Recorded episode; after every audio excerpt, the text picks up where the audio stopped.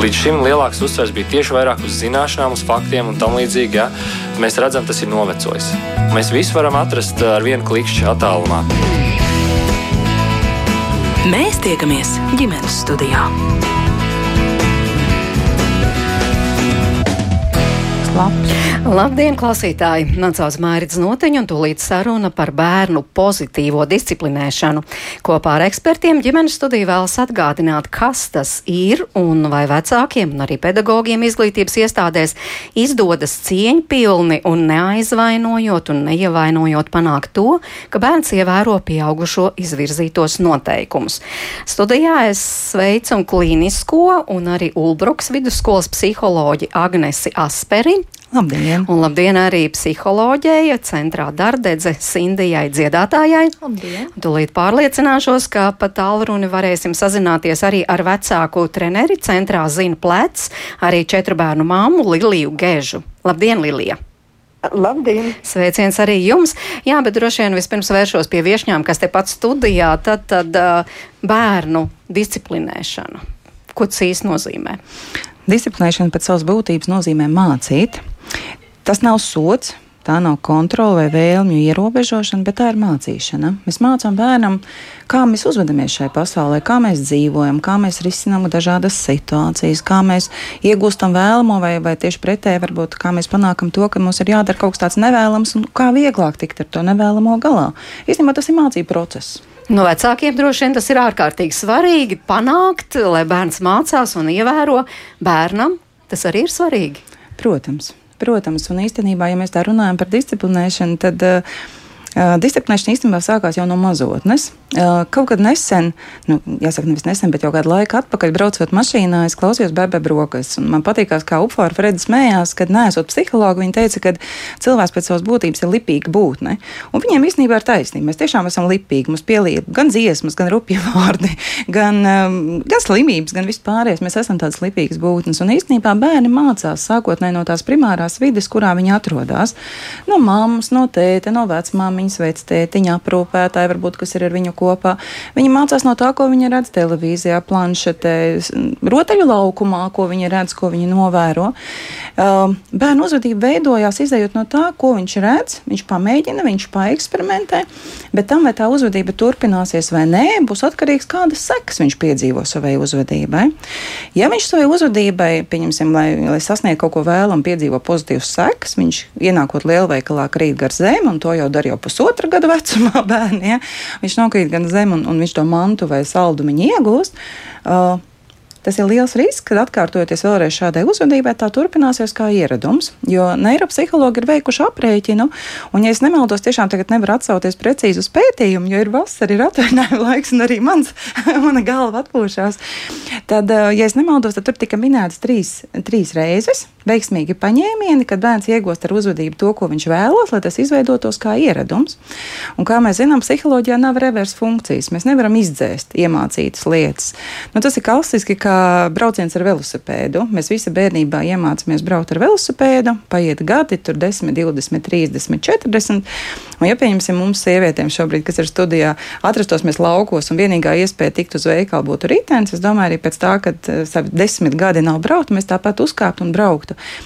Līdzīgi ir ar uzvedību. Tas, kas ir iemācīts, tas nekur nepazūd. Mēs iemācāmies jaunus uzvedības modeļus, mēs iemācāmies komunikāciju, risināt, iesaistīties, diskutēt. Bet to, kas ir iemācīts bērnībā, tas īstenībā paliek. Un kaut kādās krīzes situācijās tas, tas var sev likt manīt.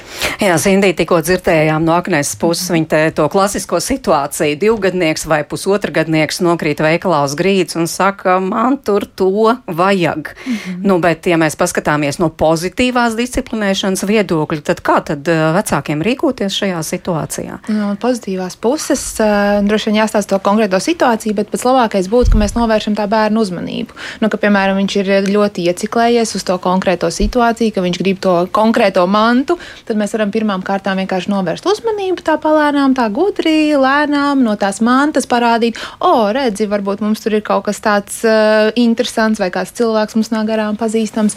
Novēršot uzmanību, tas ir tas ātrākais risinājums sistēmas, kā mēs arī to varam tādā veiksmīgā veidā veidot. Un tad veiksmīgāk vēl tas nākamais solīts jau būtu, ka tā krīze ir novērsta, mēs novēršam uzmanību, tad mēs tam bērnam izstāstam, nu, kāpēc mēs, piemēram, to mantu nevaram pirkt. Jo arī nu, manā bērnībā, piemēram, mana mamma, teica, ka nu, šobrīd ir tā situācija, ka tev jau ir bijusi viena tā manta, ko mēs esam nopirkuši iepriekšējā dienā, un to arī nedrīkst darīt. Vai, nu, Bet jūs tas ietekmēja, ka mamma tā Jā. teica, vai arī kā vecāki bieži saka, nu nav mums tik daudz naudiņas, lai Jā. mēs tur, piemēram, katru dienu pirktu jaunu mantu. Un te, tajā situācijā bija tā, ka, protams, ir grūti iziet, un tā tāpat gribās, un ir tas stimuls. Un tad vismaz no manas mammas puses bija tā gudrāk, nu, kad viņa paskatījās un pateica, tas jau bija mazliet vēlākā periodā, ka vairāk bija izpratne par cenām un tādām lietām, ka, piemēram, nezinu, tu par vienu latu tagad vari sev paņemt konfektes. nu, tā, kad ir kaut kāds tas uzvedības rāms, kurā arī tu kā bērns vari būt. Es tikai domāju, vai visi bērni tiešām būs gatavi pakļauties tikai paklausoties, ka māma paskaidro un novēršot uzmanību. Nu, ir mhm. dažādi bērni, ar vieniem tas pietiek, bet varbūt citiem pavisam un galīgi nē. Un tad mums ir jābūt klātesošam bērnam. Nu, ka viņam ir tās negatīvās emocijas, tad mēs esam tur arī ar to bērnu kopā.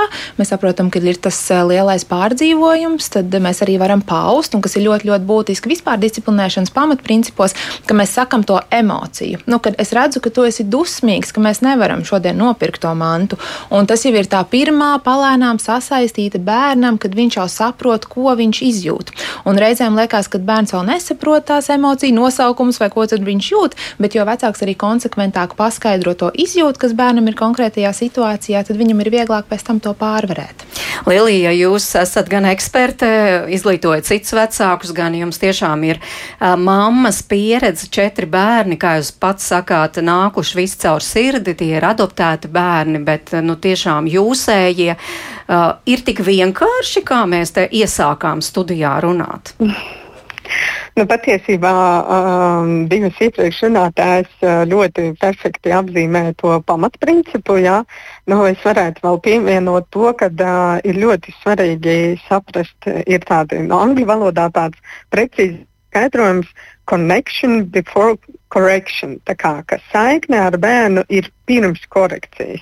Un tad, kad mēs sākam ar bērnu runāt, uh, pirmkārt paši mierīgi, ja, un mēs sākam runāt ar veidojot šo saikni, nevis uzreiz sodot, un tagad tu tur nedabūsi to konču veikalā, ja, bet izveidojot šo saikni emocionālo.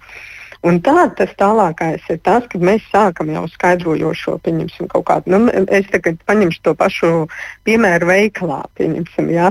nu, kad uh, mēs skatāmies arī ir tāda, es viņu saucu par tādu paralīti vecākiem, arī uh, tāda, ka aiz katras uzvedības slēpjas vajadzība. Un tam vajadzība tam bērnam ir, ot, viņam gribās kaut ko. Un tagad mēs ar bērniņu sarunājam, klausies. Arī mazie bērniņi klausies. Mēs varam ar tevi tagad uh, rast kompromisu. Es tev piedāvāju, nezinu, vai nu šādu cepumiņu, vai nu šādu končiņu. Tur, tur var izvēlēties, pieņemsim, jā, saikni. Jā, nevis nē, tu nedabūsi, bet saikni ar bērnu, kad es redzu, ka tev ļoti gribās. Nu, pieņemsim, paņem. Un to viņi tur ir rociņās. Visu laiku viņš iet un viņš tur rociņās. Nākamais, runājot par to uh, uzmanības novēršanu, es viņam saku, klausies, bet man tik ļoti vajag, lai tu man palīdzi tagad salikt tur reku šitos tomātus, šos gurķus, pieņemsim, jā. Un kas, kas izveidojās? Pirmkārt, bērns jūt šo saikni ar mani, jā, kad uh, mamma nevis tādu stingru un nedrīkst un nevar. Viņas smadzenes nepretojās šim tālākajam procesam. Ja, un, protams, ka tas nav viegli. Katram bērnam, piemēram, man četri bērni un katrs savā raksturā. Tāpat kā jebkurā daudz bērnu ģimenē, bērniem ļoti dažādi tie raksturi ir. Ar vienu bērnu tas strādās ātrāk, ar citu bērnu lēnāk. Bet ir ļoti būtiski, ka jebkurā um, situācijā, kad mēs veicam šo korekciju bērnu uzved, uzvedībai, atcerēties to, ka pirmkārt viņam ir kāda vajadzība, kāpēc viņš šādi izturās vai uzvedās. Ja? Un otrkārt ir šī saikne ar viņu, kad es viņu disciplinēju nevis ar galveno mērķi viņu tagad sodīt par to, ka viņš tur kaut ko ir nepa, nepareizi vai nekorekti izdarījis, bet mēs mācām viņas smadzenēm jaunu funkciju, ka šādi, pieņemsim, darīt nav korekti. Kāpēc? Jā, varbūt vēlāk es aprakstīšu, man ir tādi pieci punkti, pēc kuriem es eju ar bērniem. Jā, vienmēr. Bet tā būtiskā lieta, ka mēs viņu smadzenēm mācām jaunu funkciju. Tā kā pirmā runātāja runāja, viņam ir izveidojis kāds neironu savienojums ieradumam. Un mēs tagad mācām viņam jaunu ieradumu. Pieņemsim, ka tu nevis krīti un bļausties, bet ka tu vari pateikt ar vārdiņiem, es jūtos bēdīgs, ka es nevaru dabūt šo konču. Ja, ļoti daudz vecāku uzskata, ka mazie bērni to nespēj, bet patiesībā tas tiešām sākās ar pavisam maziem bērniņiem. Viņi diezgan labi šo uztver. Ja mēs izveidojam šo saikni ar viņu un mēs dodam viņa smadzenēm tādu labvēlīgu vidi informācijas uztveršanai, tad arī mazi bērni diezgan labi šo uztver. Jā, es atgādinu arī mūsu klausītājiem. Šodien ģimenes studija ir tiešraidē un varat tiešām lieliskajām mūsu studijas viešņām uzdot arī savus jautājumus, varbūt arī komentārus, varbūt kādu situāciju savā ģimenē, ar kuru netiekat galā, laipni atbildēsim. Bet te ieskanējās, uh, Lilija teica, nu tā tad uh, sākas jau pavisam agri bērnībā, jau ar mazu bērniņu. Bet kāds tad ir tas pats sākums? Nu kā tam mazajam? Nezinu, gada vecumā. Tas ir tas drīkst, nedrīkst. Ar to parasti vecāki sāk. Tā ir tā disciplinēšana, vai tā tomēr īsti vēl nav. Ziniet, kā es padalīšos eh, arī savā personīgajā pieredzē, jo arī man ir divi bērni. Man ir šobrīd pusauģi, jau dēls un meita. Bet bija laiks, kad viņi bija mazi. Un, un es atceros vienu mirkli, ka man dēlam ļoti patīk skriet bērnu maratonus. Un mēs atrodamies meža parkā. Bija kaut kāds kārtējs skrējiens, kur bija arī bērnu disciplīnas. Un, un es tagad skatos, manam puikam toreiz bija kādi gadi trīs. Bet es tagad skatos, skrien paši mazākie, kas ir rāpošanas disciplīna. Un rāpošanas disciplīna nu, bērns caurmērā sāk tā kā ap saviem astoņiem mēnešiem, deviņiem turpat tur gadu vecumā jau sāk staigāt, bet nu, līdz tam vēl rāpo. Un, un tagad es skatos, kā tie bērni, lai sasniegtu to mērķi, ko dara tie vecāki. Tie vecāki tam bērnam priekšā viens piena maisījuma pudeli krata, cits mīļo lāci krata, cits vēl kaut ko krata. Un tā, tā vēlme, lai tas bērns būtu pirmais ar visiem tiem rāpotājiem, ir tik liela, ka tas vecāks ir gatavs tiešām nu, darīt de jebko, lai tas bērns sasniegtu to mērķi. Dažlaps vecāks tur savu bērnu viens aiz vienas rokas, otrs aiz otras un palīdz tam bērnam skriet. Un tajā mirklī man pārsteidz īstenībā tā, tā situācija, un, un, un man liekas, tās manas emocijas tā brīža ļoti precīzi nolasīja arī tiesnesis pasākumu. Tas, uh, viņš bija viegli atlēts, es nezinu, kā viņu sauc, bet tāds kārtīgs vīrs gados drukns. Un viņš teica, mīļie vecāki, nevelciet savus bērnus pa ceļu, visi dabūs, asva, visi dabūs medaļas. Un, un tas bija tas stāsts, cik ļoti liela kāra mums ir, lai tas bērns kaut ko sasniegtu. Un kāpēc es to stāstu? Jo īstenībā tā bērnu disciplinēšana šobrīd tiešām nu, mēs runājam par, par visam maziem bērniem, un, un bērnam piedzimstot īstenībā nu, tā kā, tās robežas, ko vecāks tas režīms, tas tā dienas kārtība, ko vecāks uzsāk, nu, tā jau ir tā disciplinēšana, kas sākās jau īstenībā pēc tam mirkļa, tas bērniņš ir piedzimis. Un atkal, braucot mašīnā, atkal klausoties Latvijas rādio, tā skaitā, uh, es klausījos intervijā viena bērnu pediatru, kas teica, kāpēc mūsdienu bērni ir tik nesavaldīgi. Un tā viņa atbild bija, ka bērni netiek tīti autiņos, un bērnam nevajag regulēt par tām savām emocijām. Un, un tā kā viņš saskatīja to, to kopīgo un atšķirīgo. Bet, ja mēs tā paraugamies uz to disciplinēšanu no tās mazotnes, tad jā, tā bērna disciplinēšana sākās praktiski no paša sākuma, bērnam pēc piedzimšanas, ka mēs ieviešam to dienas kārtību, rutīnu, režīmu, ka bērns zina, kurā laikā viņš ēd, kurā laikā viņš guļ un, un kurā laikā viņš apmēram dodas pastaigās. Un, un tad, ja tas režīms ir, tam bērnam ir stabils dienas un nakts režīms. Bērns tādā veidā aiziet pirmskolas izglītības iestādē, tā kā uzsāk mācības. Un, Un, un viņam jau ir tas, tas teiksim, tās pamata funkcijas un pamata iemaņas, jau teiksim, pašaprūpes iemaņas. Nu, tas tāds ideālā variantā. Bet eh, ne viss jau pasaulē ir tik ideāls, vai ne? Un, un tagad, kad es atrados vienā konferencē Dānijā, tad viena dāņu profesora salīdzināja mūsdienu bērnus ar Kērlingu. Viņa saka, Kērlinga childrens, un kad es viņā klausījos, es domāju, par kādiem bērniem viņš šobrīd runā. Un stāsts ir eh, par Kērlingu. Jūs ziniet, tas tas sporta veids, kur tā teikana tur slīd pa to ledu. Un viņi salīdzināja to ar bērnu, ka katrs bērns slīd savā tempā. Un tam ir vairāk faktori, iedzimtības faktori. Piemēram, tas pats intelekts, jo intelekts, kā mēs zinām, ģenētiski mantojas no vecākiem. Paraugoties uz vecāku intelektu, mēs varam prognozēt bērnu intelektu. Uh, aktivitāte ir tā lieta, kas mantojās no vecākiem. Tā kā no vecākiem bērnu mantoja ne tikai acu krāsa un matu krāsa, bet ļoti daudzas ģenētiski vēl lietas. Nu, lūk, un tad ir apkārt mamma, tētis, vecmāmiņa, vectētiņš, kas līdzīgi kā Kērlingā tur pulē to ledu, kas pulē tam bērnam to dzīves ceļu. Mēs visi cenšamies atvieglot viņam dzīvi, lai viņam viss būtu labi. Un, un tas jau īstenībā ir ļoti jauki, ka tas bērns ir tā saulīte un pasauli grozās ap to saulīti. Bet tas, ko mēs mūsdienās saskaramies izglītības iestādēs, un kā es arī pārstāvu skolu šobrīd, tad uh, mēs saskaramies ar tādu iemācītu bezpalīdzību tam bērnam. Jo, piemēram, ar tiem bērniem, kas uzsāk mācības pirmajā klasē, tad, kad es kā psihologs tiekos un ar vecākiem iepazīstamies un mēs runājam par bērnu, tad brīžiem, ja es pirms tam neredzētu to bērnu, es domāju, ka tam bērnam ir kustība un vēl neskādi traucējumi. Jo tad vecāks stāsta par to, ka no rīta mamma viņu pamodina, teica uz rociņām aiznes uz viesistabu. Mamma jau pa to laiku ir sagatavojusi putru, un kamēr viņš skatās mūteni, palīdz viņam ātrāk to putru apēst. Un tad rodas iespējas, vai te ir runa par tādu attīstītu septiņgadnieku, kas pats var piecelties, pats var aiziet virtuvē, paņemt karotu un paēst putru. Un, un tas ir kaut kas tāds par, nu, par tiem pamatiem, kas ir katrā ģimenē, kur, kur tiešām izmantot iespējas, tiešām labprāt arī vēršos šobrīd pie vecākiem, nevairosim bērnu tādu, nu, teiksim, to bezpalīdzību. Ļausim viņiem būt pašpietiekamiem, pašiem iesaistīties, pašiem būt, pieņemt lēmumus arī tā skaitā, un tā skaitā arī piedzīvot savus uzvedības sekas. Mm -hmm. Jā, un tas arī tas, ko, viss, ko jūs stāstāt, faktiski ir par to pozitīvo, par, nu, faktiski par bērnu disciplinēšanu.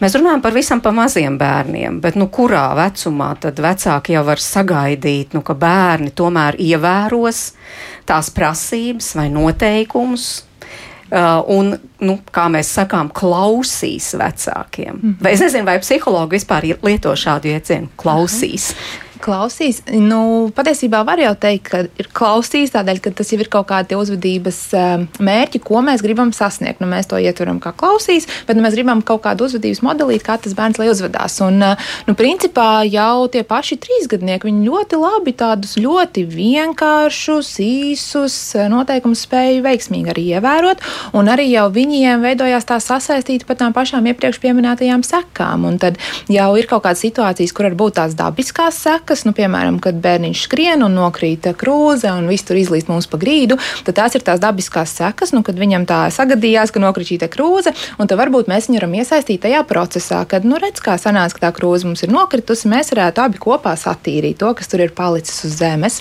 Vai arī otrs ir tās loģiskās sekas, un tas jau vairāk ir, ka tie bērni pārkāpj tās robežas, un tad eh, varbūt tās dabiskās sekas mums tur neiestājās, nu, bet mēs redzam, ka, piemēram, ir tāds pats trīsgadnieks, un ģimenē varbūt ir divi divi bērni, un viņš iet un varbūt tam lielākajam brālim vai māsai grib iesist, jo viņš nedod kaut kādu mantu, ar ko viņš grib spēlēties. Un tās jau mums ir arī tāda negatīva situācija, uz ko mums būtu jārēģē, varbūt ar tām loģiskajām sakām.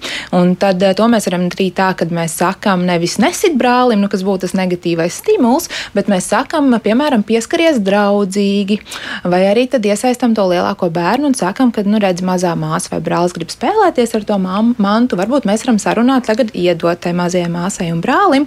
Un tādējādi mēs ieviešam eh, mazliet arī tās loģiskās sekas, ka mēs norādām, ka tā uzvedība nav pieņemama. Un eh, tādā veidā arī bērns eh, ilgtermiņā, un arī kā arī minēja mana kolēģe, ka tas nav tā uzreiz, kad mēs nu, arī vecāki reizēm iedomājās, mēs vienreiz pastāstam, nu, kādas ir tās sekas, un tagad bērns, trīsgadnieks, mūžīgi mūžos to ievēros. Nu, tā nav, un mums vajag tiešām vairākas reizes atkārtot un pastāstīt, kas tad ir tās lietas un kāda ir tās uzvedības robeža, ko mēs vēlamies vēlamies. Jā, varbūt arī tas ir tas, kāpēc vecāki neredz saka, nu šis nestrādā tā jūs, jā, mēs esam izlasījuši pozitīvā disciplinēšana, bet tas nestrādā. Mm. Jā, jo tas ir tas izaicinošākais, un tas arī, ko es vecākiem bieži paužu, ka tā robeža likšana ir mīlestības izpausme. Nu, kad mēs tādā veidā tiešām paužam to mīlestību pret bērnu, mēs ieliekam viņu kaut kādā rāmī, robežās, un ilgtermiņā tas ir daudz veiksmīgāk un vieglāk, un bērns arī iegūst to savu autonomiju, nu, kas nozīmē, ka viņš iemācās pats, kā reaģēt kaut kādās situācijās, viņš zina, kā labāk arī veikt kaut kādas lietas, un noteikti nevajag no tā baidīties, un nevajag arī domāt, ka jūs esat varbūt netik veiksmīgi vecāki vecāki, ka jūs vienreiz nepat, nu, pateicāt bērnam, ka nu, kaut ko varbūt nebūtu veiksmīgi tā darīt, un viņš nereaģē, un atkal viņš dara tieši tādas pašas blēņas, tad noteikti nevajag eh, tā negatīvi par sevi domāt. Ir jāsaprot, ka tas nav vienas reizes eh, notikums, ka noteikti ir vajadzīgi vairāk atkārtojumi, līdz bērniņš pierod un saprot. Un vēl viena no lietām, ko es arī gribēju pieminēt, ka bērnam augot lielākam, tad arī viņš vairāk atcerās tos noteikumus. Un, ja mēs skatāmies uz trīsgadnieku, nu, tur var būt tā, ka biežāk mums ir jāatgādina, nu, kādi bija tie tie noteikumi vai kā tev ir jāuzvedās. Un tur jau būtu ļoti labi, ka tie noteikumi nav pārāk daudz tajās vidēs. Mm -hmm. Bet augot vēlāk, arī bērniņš var iesaistīties un mēs varam pārunāt šos noteikumus. Bet tie noteikumi vecākiem būtu bērniem jāpasaka un ik pa laikam jāatgādina. Jā. Kā bieži saka, mēs savā ģimenē darām tā Jā. vai mēs nedarām tā. Jā. Mūsu ģimenē tas nav mhm. pieņemami. Jā, tieši tā es pilnīgi šo te akceptēju un atbalstu, jo tiešām ir jābūt tiem ģimenes noteikumiem, kad bērns arī zina, ko no viņa sagaida. Jo, ja viņš nezina, tad viņš arī rīkojas, kā viņš iedomājās, ko viņš vēlās, kas ir viņas tās vajadzības, kas varbūt nav apmierināts, nogurums un viss pārējais. Viņš arī reaģē tādā veidā, kas varbūt nav tik veiksmīgs, kā vajadzētu. Lielie, jūsu pieredze izdodas tā, nu, ja tur četri bērni, tur noteikti ir šis pagrūdu, iesitu māsai, brālim un tam līdzīgi. Izdodas tiešām arī šādās situācijās, nu tā vienkārši uh, mīļi sarunāt. Ziniet, man uzreiz jau tik daudz komentāru par šo ir. Uh, vēl uh, nedaudz atkāpjoties par to, ko teica iepriekšējā runātāja, par to, ka vecāki ir uh, teikuši, pieņemsim, kāda mums uh, ir ģimenē noteikumi, bet bērni viņus pieņemsim, periodiski ne, neievēro. Ja? Tad šeit man ir salīdzinājums ar taciņu. Mums liekas, ka nu, kā taciņa var izveidoties, ja mēs vienu reizi vai divas pa zālīti nostaigāsim, vai mums būs taciņa? Nu, noteikti nē. Ja? Tā, tas pats ar noteikumiem, kas ir ģimenē, lai šie neironu savienojumi izveidotos, vajag ļoti daudz atkārtojumu. Un tāpēc vecākiem gribās nu, viņus atbalstīt un iedvesmot un teikt, jūs darat pareizi, bet ir nepieciešams laiks, lai šī taciņa izveidotos un jāstaigā atkal un atkal un atkal. Un tie paši noteikumi ir jārunā atkal, atkal un atkal. Un, eh, tā kā jūs teicāt, jā, mūsu ikdienā ir tiešām daudz uh, piepildīta ar dažādiem katru dienu notikumiem savā starpā, jā, bet uh, tas, ko Mēs esam jau līdz kam nonākuši, ja bērni man ir nu, salīdzinoši lieli.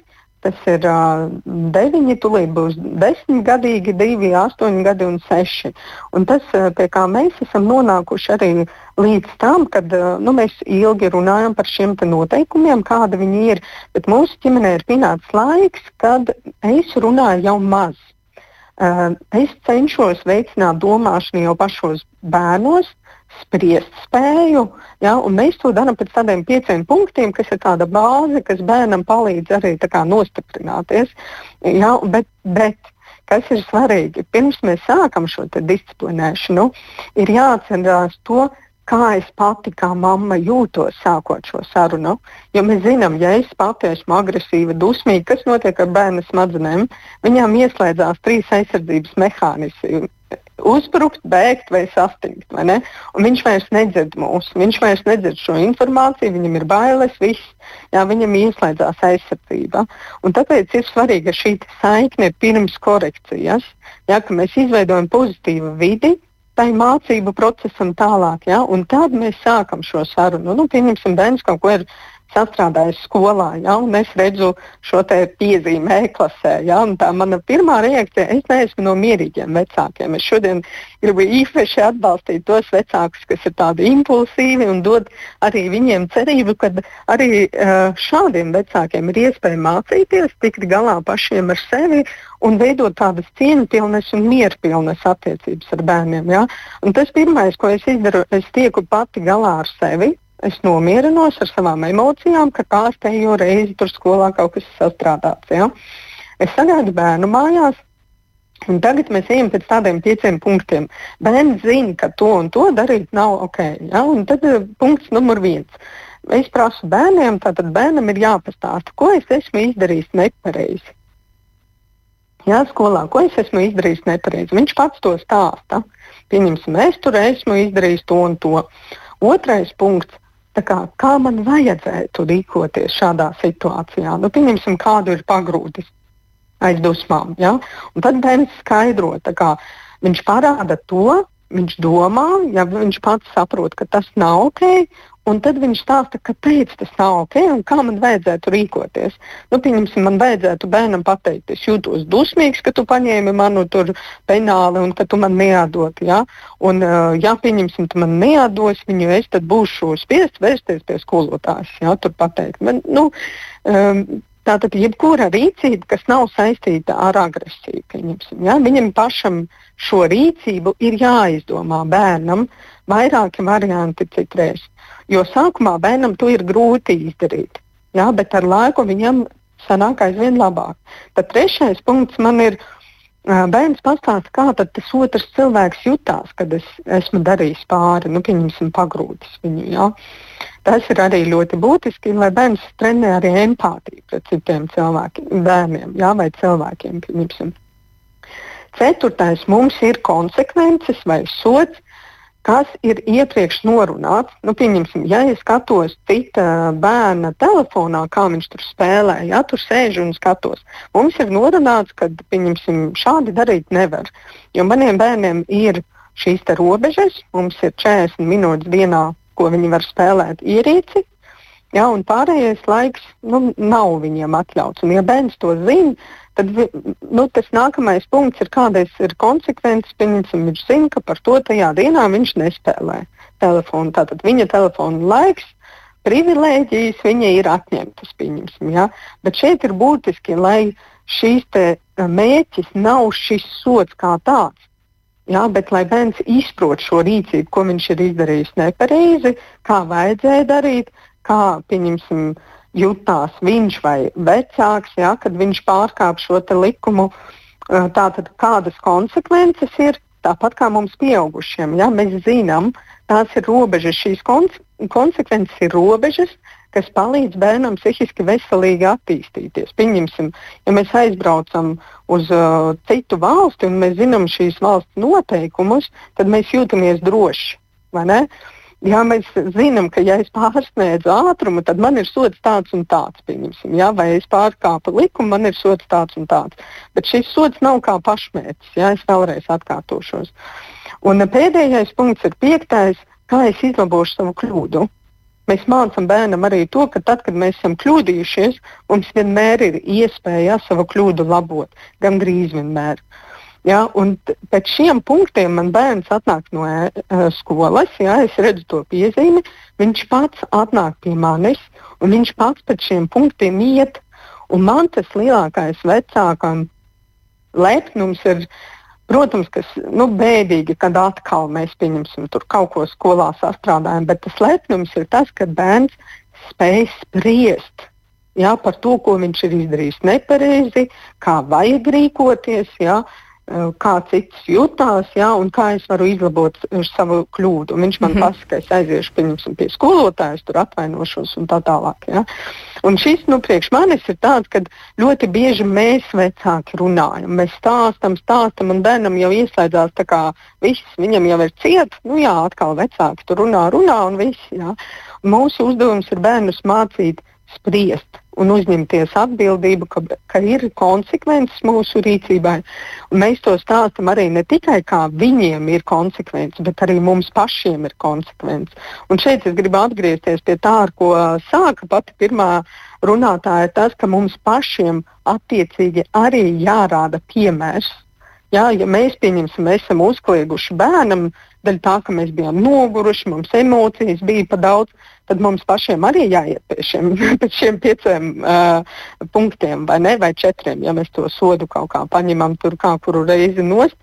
Tad, uh, tad tas, kā mēs kā vecāki uzvedamies, tas atkal bērnam parāda to, ka šie punkti te, šis te, tā bāze, ja, kas ir, ka viņi ir vecākiem arī.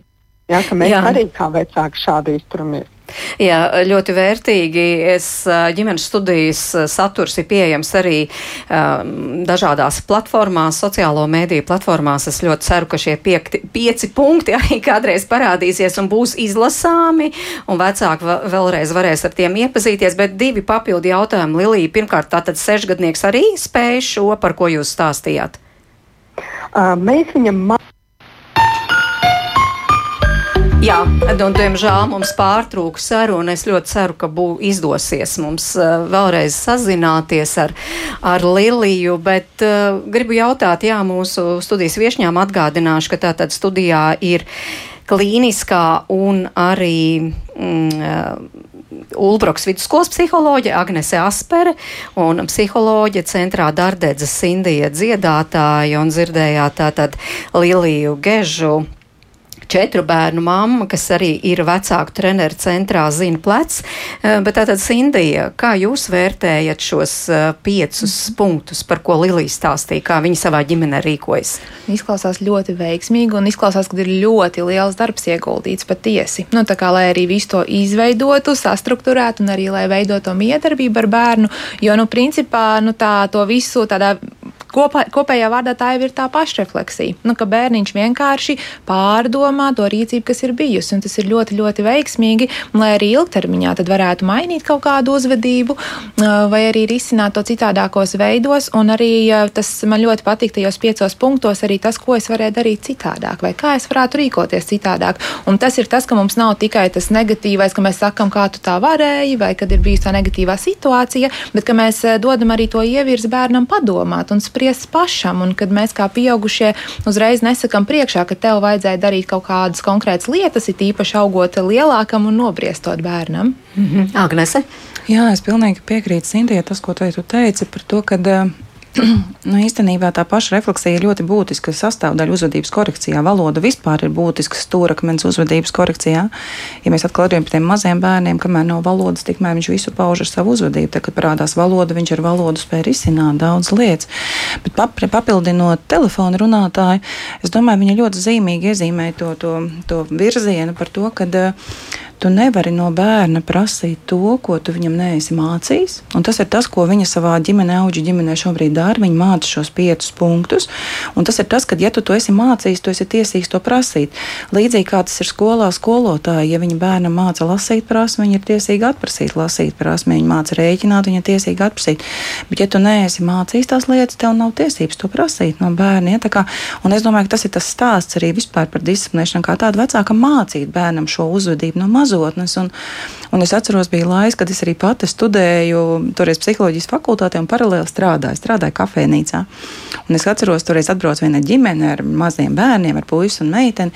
Un teica, saka tam puikam, ka mēs paklusēsim, meitenēm ļausim pasūtīt to ēdienu. Un tas puisis saka, kā, kāpēc, kāpēc man būs jāēd tas, ko viņa pasūtīs? Viņš saka, jo tas ir pieklājīgi. Mēs lietosim galda piederumus šobrīd, jo tas ir pieklājīgi.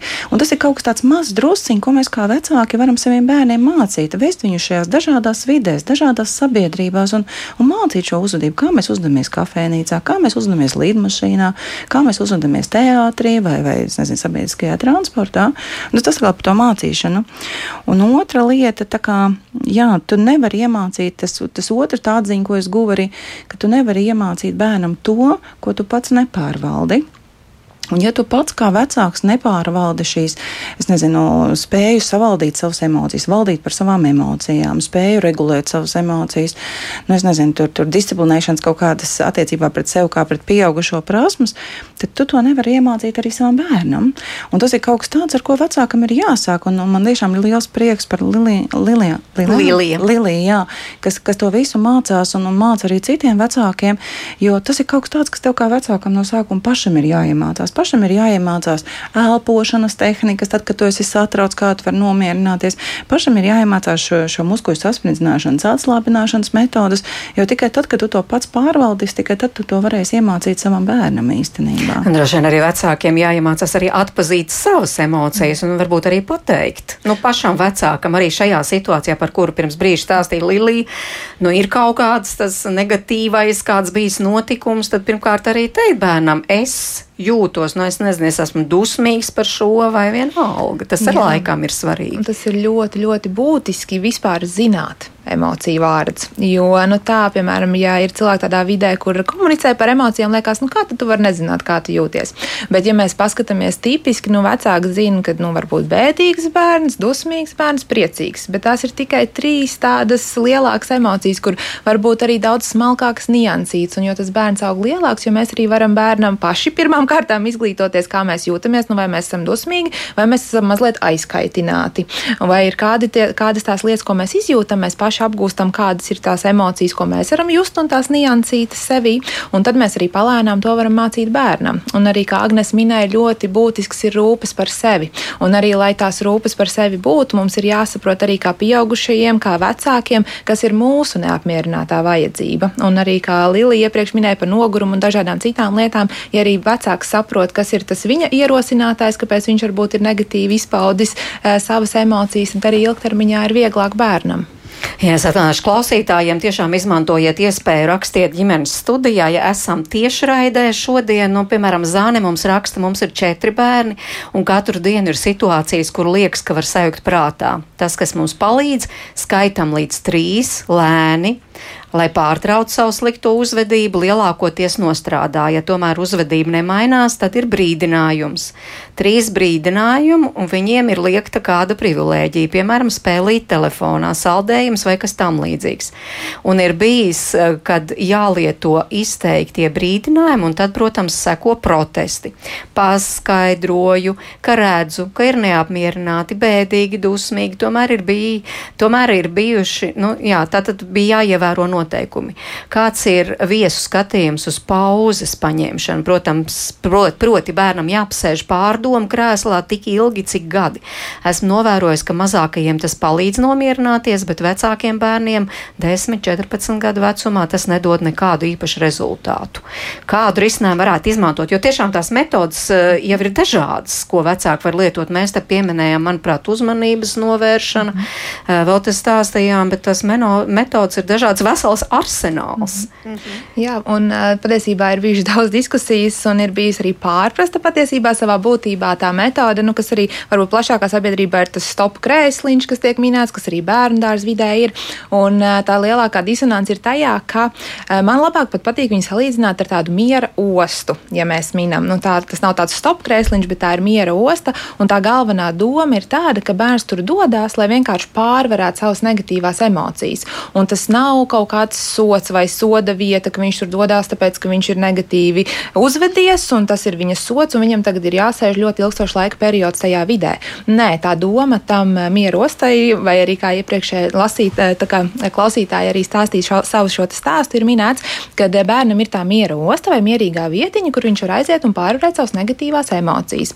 Un tad, kad viņš ir to pārvarējis, tad viņš tajā vidē ir tik ilgi, cik viņam ir gadi. Nu, piemēram, tās trīs, ja viņam ir trīs gadi, viņš trīs minūtītes ir savā miera ostā. Un atnākot atpakaļ, tad eh, vecāki vai bērndārza audzinātājs vai citi pieaugušie, kas ir bērnu dzīvē, viņi ne, nesaka, kas ir bijusi tā iepriekšējā uzvedība vai nenorāda kaut ko tādu negatīvu, bet vienkārši pieņem to bērniņu atpakaļ, jo viņš ir pārvarējis tās emocijas, un tad viņš var turpināt un dzīvoties tālāk uz priekšu. Bet Zāne rakstīja, maziem bērniem tas strādā, lielākiem vairs nē. Nu, droši vien, ka lielākos jau vairs nesēdina pasēdēt tur desmitgadīgo desmit minūtes.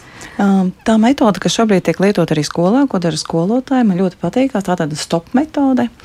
Un, ja maziem bērniem jā, tas ir tas pārdomu krēsliņš vai, vai, vai miera osta, vai jau vienu brīdi bērnu dārza sauc viņu par dusmu stūrīti, bet tad um, iedzīvojās citās kā, lietās, jo, jo tas dusmu stūrītis bija radīts ļoti interesants. Tur bija grāmuriņš, gan viss kaut kas, kur bērns var izrēģēt savas emocijas, un tad visi bērni sāk dusmoties, jo visi gribēja tur pabūt. Ja? Tāpēc ļoti labi, kā arī Sindija saka, mēs viņu saucam par mieru ostu, un, un tas ir kaut kas tāds, kur tu vari iet arī tad, kad tu nedusmojies, ja, lai neveicinātu šo dusmošanos. Bet lieliem bērniem, jā, tā ir tā stop metode, kad mēs viņiem sakām, stop, padomā, kā tu šo situāciju varētu risināt savādāk. Patien filmu atpakaļ, patien filmu atpakaļ, iedomājies, ja tev ir pults, tinam atpakaļ, ko tu darītu savādāk.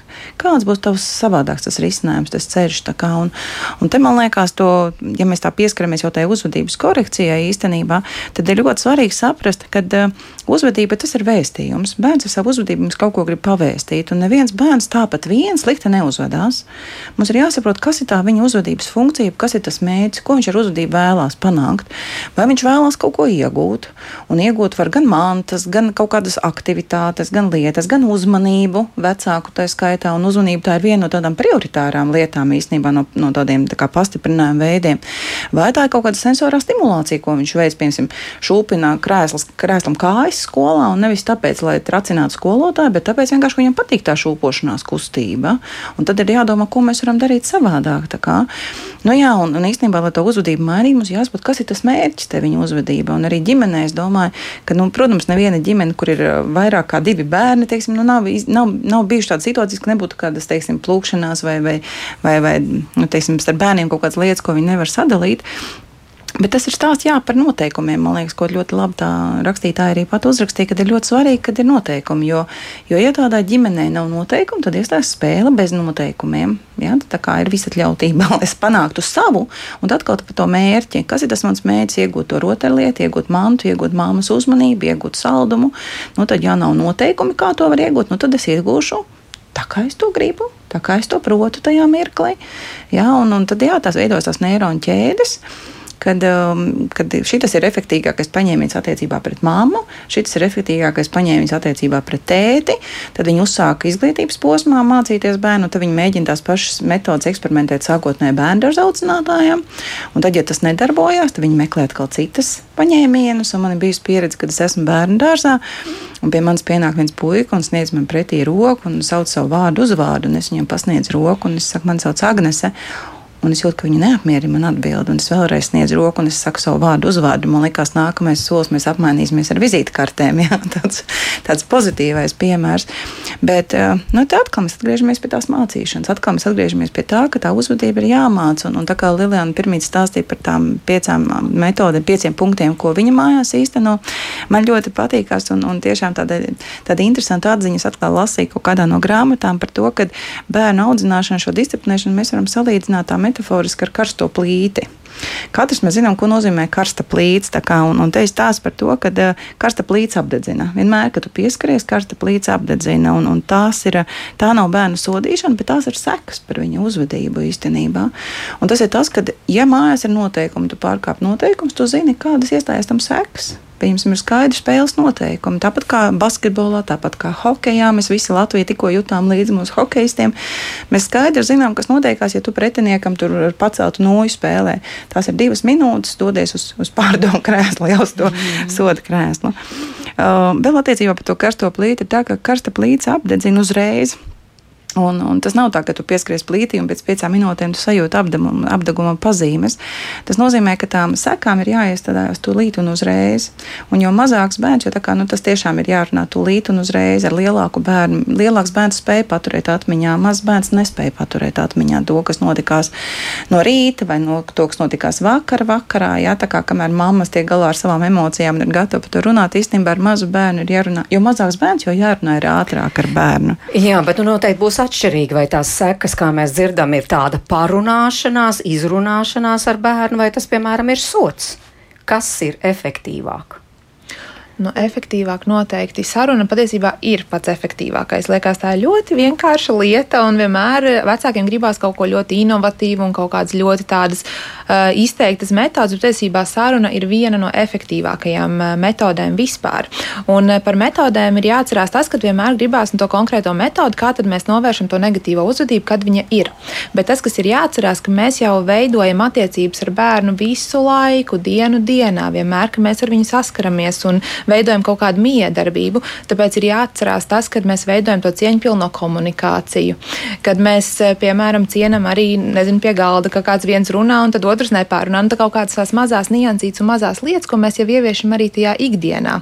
Un tad arī mums nav jāķerās pie tām lielajām metodēm visu laiku un kaut kādām, kas tikai norāda uz to negatīvo uzvedību. Un viena no tādām patiesībā mazliet arī pozitīvām metodēm, ko var darīt, ir, kad, eh, ja tā uzvedība bērnam nav pārāk izteikta, izteikti negatīva, tad mēs norādām tieši uz to, ko viņš ir labi paveicis. Nevis tad, ka viņš ir eh, salandījis visu istabu, bet, piemēram, mēs redzam, ka bērns ir tur palicis puzlīt un smuks salicis apakaļ kastītē. Tad mēs varam teikt, wow, redz, cik skaisti tev ir izdevies salikt puzli šajā kastītē. Mm. Un tā norādot un pievēršot uzmanību eh, tam pozitīviem, ko bērns ir izdarījis, mēs arī nostiprinam to veiksmīgo un uzvedību tādu, kā mēs kā vecāki vēlamies viņu redzēt. Nē, nu es tikai domāju, ka vēsturiski mums ir iegājies tā, ka mēs vairāk vairāk tiešām reaģējam arī kā vecāki, arī kā pedagogi uz to negatīvo, jo tad, kad ir pozitīvs, nu, kad tur viss ir kārtībā, tad viss ir labi. Bet tikko kā kaut kas nav tā, uzreiz ir reakcija. Lilija, jums izdodas tiešām arī nu, šādi reaģēt vairāk uz to pozitīvo. Nu, tikko ir kaut ko bērns labi izdarījis tā, tiešām apstiprināt, o, labi, tas ir labs darbiņš, jums tas izdodas.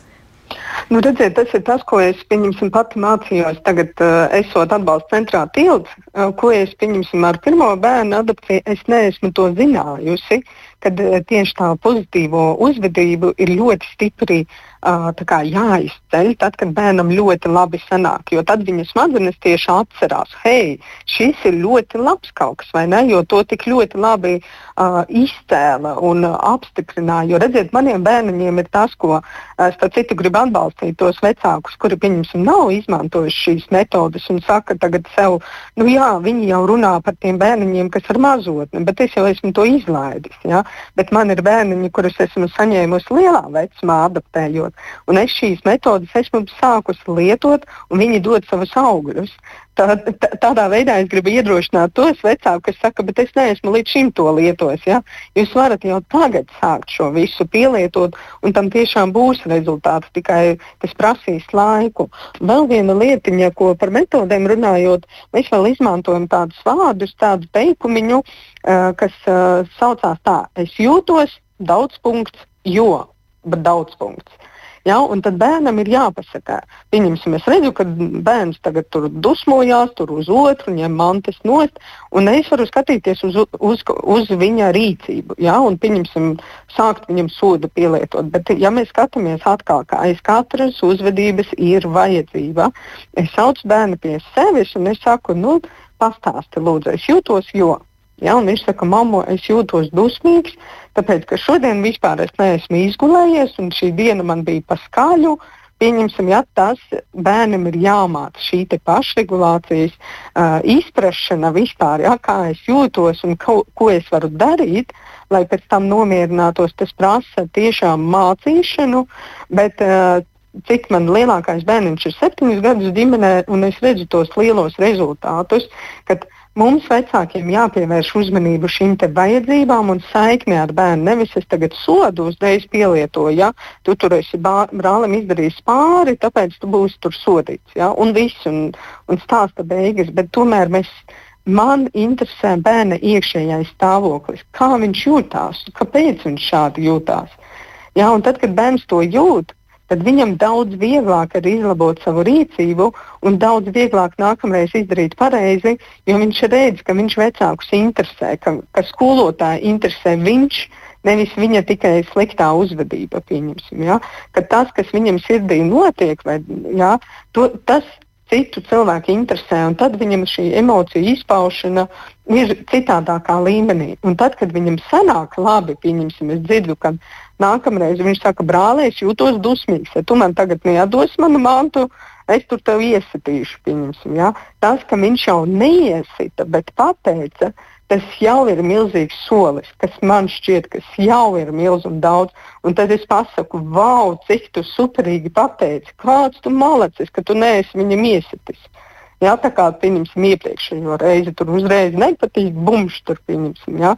Un tad, kad mēs to izceļam, šo pozitīvo un sakam, tu tāds malacis, ka tu varēji pateikt savas emocijas, ka tu neesi pievienojies šo izmantoju šo vardarbību, pieņemsim, ja? tad kas bērnam paliek atmiņā? Hei, tas, ka es nosaucu emocijas un nesitu, tas ir super. Ja? Kad es varēju to visu ar vārdiem pateikt. Un tas pats ikdienā, jebkāda rīcība, ko bērns izdara korekti, mums tā ir ļoti stipri jāpievērš uzmanība. Jo mūsu tāda nu, klasiskā domāšana, kamēr viss ir mierīgi, tik līdz nu, tā, lai arī ir. Ja? Bet tiklīdz kaut kas nav normas robežās, par to mēs sodam, mēs stāstam. Jā, kā tad nevajadzētu? Es ļoti uzreiz no dzīves vienu piemēru uh, pastāstīšu, ka man viena audzinātāja visu laiku sūdzējās par manu bērnu. Viņam ir tāda hiperaktivitāte, bet viņš ļoti sirsnīgs bērniņš ir. Visiem audzinātājiem viss ir kārtībā, bet vienai visu laiku viņš to un šito. Un tad es pienācu un saku, bet es saprotu, ko jūs sakat, es saprotu, ka ar manu bērnu varbūt ir grūtāk, bet kas viņai ir labs? Ko viņš labi dara? un pretī nebija cilvēkam, ko teikt. Ja, tad mēs redzam, ka tas nav objektīvi. Ka jebkur, nu, vienmēr ir tā, ka ir kaut kas arī, un, un vairāk, nu, lielākoties ir daudz kas labs mūsu bērnos. Ja, tas pats attiecās uz bioloģiskajiem vecākiem, ka ļoti bieži bērniņam ir kaut kādas vajadzības, kuras, pieņemsim, vecāks neredz vai nemāk atpazīt. Arī tādas iespējas ir. Ja? Un tad viņš saka, bet mans bērns ir tāds un šitāds. Burtiski nesen man viena mamma bija. Viņš saka, ka viņš ir briesmīgāks nekā visi tavi četri kopā. Un man liekas, nu, kā var teikt tā par savu bērnu, ja, ka viņš ir briesmīgs, viņam ir briesmīga uzvedība, viņš izturās bez cieņas un tā tālāk. Ja. Un kā jūs domājat, tas bērniņš atrodas blakus? Nu, kā viņš jūtās? Mm, jā. Viņa mamma par viņu šādi saka, ka teica, ir ļoti būtiski šo pozitīvo izcelt. Tā mēs varētu turpināt runāt. Tiešām es domāju, ka mūsu sabiedrībā joprojām ļoti aktuāla tēma. Faktiski mēs vairāk runājam par ģimeni, bet tieši tā būtu jāizturās, kas jau te ieskanējās arī no pedagoģu puses, piemēram. Un tad jau iespējams arī tā sabiedrība kopumā kļūtu tāda gan pieņemošāka, gan mierpilnāka, gan nu, apmierinātāka. Jā, un īstenībā papildinot to, ko jūs tikko teicāt, arī es iedomājos par to, ka Nu, latviešiem ir ļoti raksturīgs, ka tiešām tādām vispār tas ir raksturīgs mazām Eiropas kultūrām, ka mēs ļoti fokusējamies uz to negatīvo. Un tas jau ir tautas dziesmās īstenībā apdziedāts latviešiem, ne? ka tu tur nedrīksti sevi tur slavēt un, un, un izcelt un kā savādāk, ka tas nav likumiski, tas nav labi. Ja? Kad, kad salīdzinoši ar tādām lielām, teiksim, kultūrām, tur Amerikas, amerikāņu tautība, kā tāda Amerikas cilvēkiem, teiksim, nu, kad Eiropas kultūrām ir ļoti raksturīgs tas, ka mēs fokusējamies uz tām negatīvām lietām un, un kā mēs te pirmīt arī runājam, kad, kad ja tev ir tur, nezinu, tur pastāvīgi labas atzīmes, bet pēkšņi viena slikta atzīme, tad vecāks uzreiz pamanīs to slikto atzīmi. Ne? Un uzreiz bērnam prasīs, kāpēc un par ko un, un kas notikās. Un tas ir stāsts īstenībā par to, ka tā ir tā prasme, ko šobrīd ir Nu, piemēram, domājot par Ulbraks vidusskolu, kad mēs arī kolektīvā par to esam runājuši un sapratuši, ka jā, ka nu, tādi mēs esam, tādi mēs esam, bet vai mēs tā gribam dzīvot tālāk? Noteikti, ja mēs to gribam mainīt, tad ir viens ļoti labs veids. Mēs varam trenēt savu prasmi, pamanīt labo.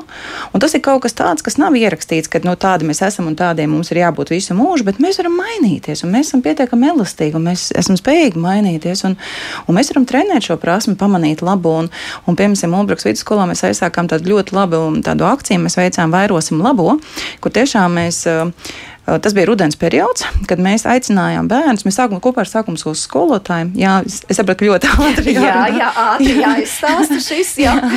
mēs aicinājām bērnus palūkoties vienam uz otru caur tādu pozitīvo prizmu. Mēs palūdzām vecākus paraudzīties uz bērnu un mācību gadu izskaņā, kad ir slikts atzīmes ar tādu pozitīvo prizmu. Un mēs palūdzām bērniem paraudzīties uz skolotāju no tādas pozitīvās prizmas. Un tad, tad to visu saslēdzot kopā, tas, ko es noslēgumā gribu teikt, ka uzvedības korekcija ir iespējama tikai tajā mirklī, ja sadarbojās vecāki, skolotāji, visas tās, teisim, tās, tās aktivitātes, kurās bērns iesaistās. Tikai sadarbojoties, mēs varam mainīt bērnu uzvedību. Bet, ja mēs būsim tā tādi cīn, cīnītāji viens pret otru un, un vainosim skolotāju ģimeni, ģimenes skolotājus, bērnu uzvedība uh, pasliktināsies. Paldies par šo sarunu. Es sāku Agnesē Asperei, Sindijai dziedātājai un Lilijai Gežē. Paldies, ka atradāt laiku. Tiešām ļoti vērtīga saruna un brīnišķīgi, ka to var noklausīties arī kā raidierakstu vai arī uh, mūsu mājaslapā pēc tam, kad tiešām vecākiem ir laiks to darīt. Mūsu, pie mūsu skaņu pults bija Ivets Zvēniec, Mārits Notiņa pie mikrofona. Tiekamies atkal rīt 5 minūtes pār diviem. Mēs rīt runāsim par pedagoģu apdāvināšanu skolās un bērnu dārzos. Tiesības sargs uzskata, ka tā ir izskaužama tradīcija. Daži vecāki saka, nē, tas ir jāturpina. Kā tad īsti par to rīt un arī aicinājums rīt iesaistīties mūsu sarunā. Hm, lai jums laba diena! Paldies!